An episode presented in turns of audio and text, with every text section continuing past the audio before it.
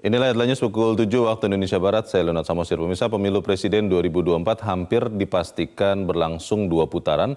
Indikasinya hasil survei dari berbagai lembaga yang menunjukkan tidak ada pasangan calon yang mencapai 50 persen lebih. Terbaru survei nasional Forum Rektor Perguruan Tinggi Muhammadiyah Aisyah yang dilaksanakan pada 28 Desember 2023 hingga 3 Januari 2024 menemukan elektabilitas capres cawapres Anies Muhaimin 23,27 persen, Prabowo Gibran 40,97 persen, dan Ganjar Mahfud 15,81 persen.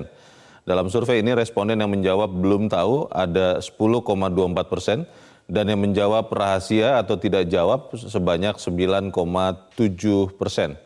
Direktur Riset Forum Rektor PTMA Usman Abdaliwatik menyatakan jika Pilpres berlangsung selama dua putaran, maka paslon nomor urut 1 dan 2 diprediksi akan masuk ke putaran kedua.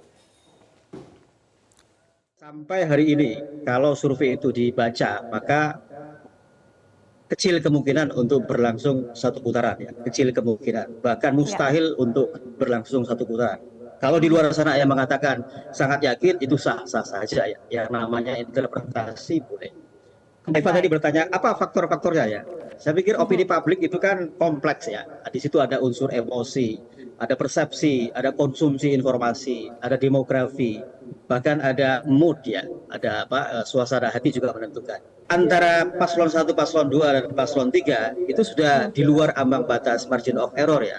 Sehingga eh, jaraknya lumayan jauh atau cukup jauh. Nah, kalau lah nanti ada putaran kedua ya, maka Eh, diprediksi survei ini di tanggal 28 sampai 3 Januari itu ya.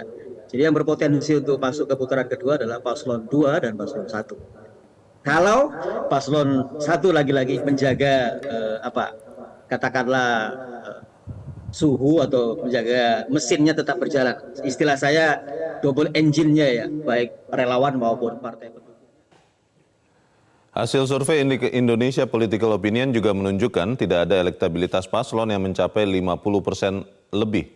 Lembaga ini menemukan elektabilitas Anies Muhaimin 34,5 persen, Prabowo Gibran 42,3 persen, dan Ganjar Mahfud 21,5 persen. Sementara itu di survei elektabilitas Capres rilisan CSIS Desember tahun lalu, pasangan Amin menyalip pasangan Ganjar. Persentase Anies Muhaimin sebesar 26,1 persen, sementara pasangan Ganjar Mahfud ada di posisi ketiga dengan perolehan 19,4 persen. Pasangan Prabowo Gibran masih memimpin dengan 43,7 persen.